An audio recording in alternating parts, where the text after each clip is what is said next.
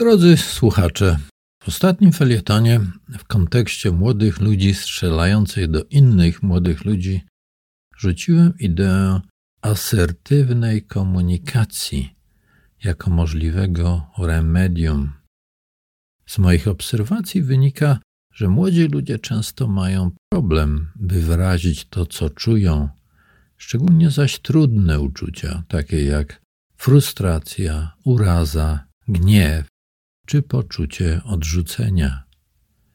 Nie umiejąc wyrazić tych uczuć słowami, sięgają po bardziej agresywne środki, takie jak krzyk, trzaskanie drzwiami, wybijanie pięściami dziur w ścianach i w skrajnych wypadkach po pistolet czy karabin.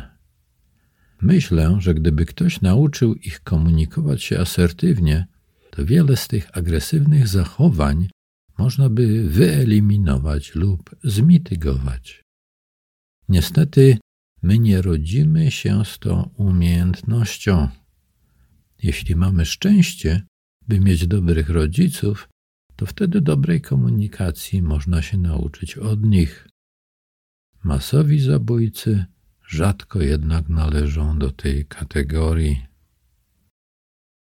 O co chodzi w asertywnej komunikacji? Sprowadza się ona zasadniczo do trzech umiejętności.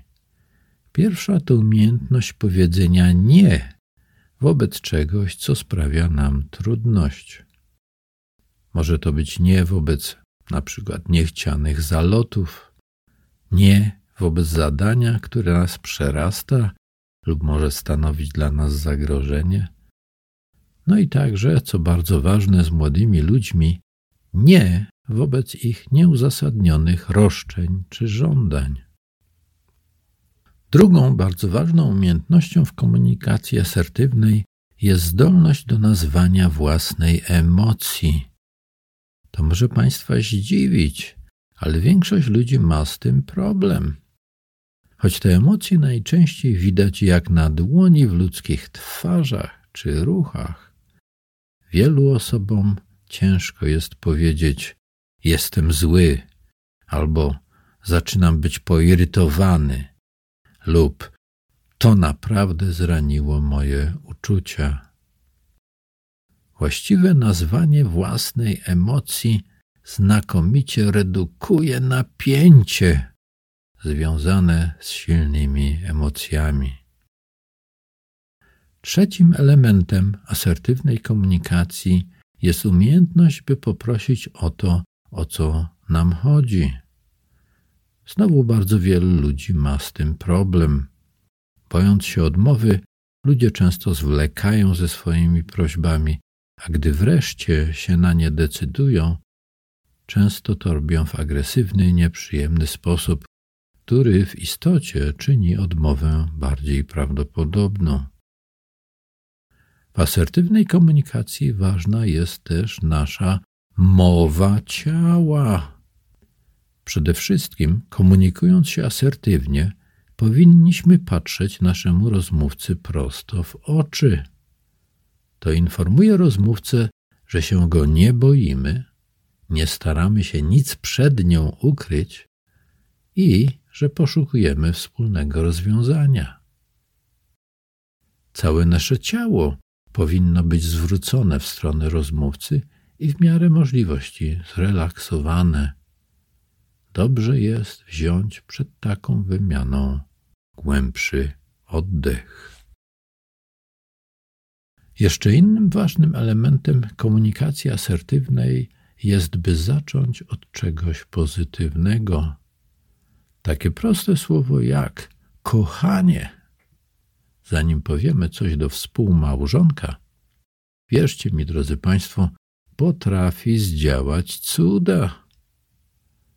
Pamiętajmy też, jeśli już musimy wyrazić jakąś krytyczną uwagę, by dotyczyła ona bardzo specyficznego zachowania naszego rozmówcy, a nie jego czy jej osobę. Zmienić własne zachowanie jest znacznie łatwiej niż zmienić własną osobę. to właśnie asertywna komunikacja pomiędzy małżonkami jest najlepszym modelowaniem dla młodych ludzi. Kiedy młodzi ludzie widzą, że można osiągnąć to, co się chce poprzez dobrą komunikację, a nie krzyki, groźby czy wyzwiska, są bardziej skłonni, by imitować te zachowania. Standardowy przekaz, zakładając, że to mąż mówi do żony, mógłby wyglądać następująco. Kochanie, ten element komunikuje miłość i pozytywne nastawienie. Irytuje mnie, kiedy zamykasz na noc okno. Ten element nazywa emocję i odnosi się do specyficznego zachowania. Kiedy to robisz, jest mi w nocy duszno.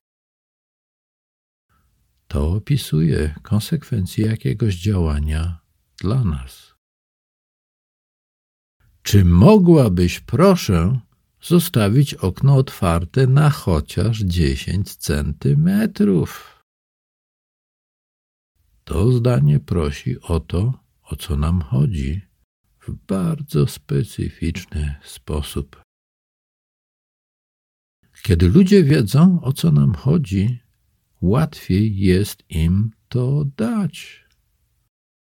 Szczególnie gdy nie czują się atakowani i nie muszą się bronić.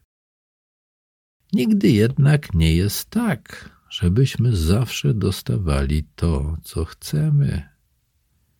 Umieć tolerować wynikającą z tego frustrację jest też bardzo ważną umiejętnością. Proście, a będzie wam dane, mówi Biblia. Dodałbym tylko, proście w dobry, asertywny sposób, a dostaniecie to, o co wam chodzi, a i dzieci wasze nauczą się tej sztuki. W przyszłym tygodniu, drodzy Państwo, porozmawiamy o tym, jak prosić o lub odmawiać seksu. W międzyczasie proście o prostsze rzeczy i dajcie mi znać, jak wam poszło. W prawdzie, prostocie i miłości Piotr Rajski.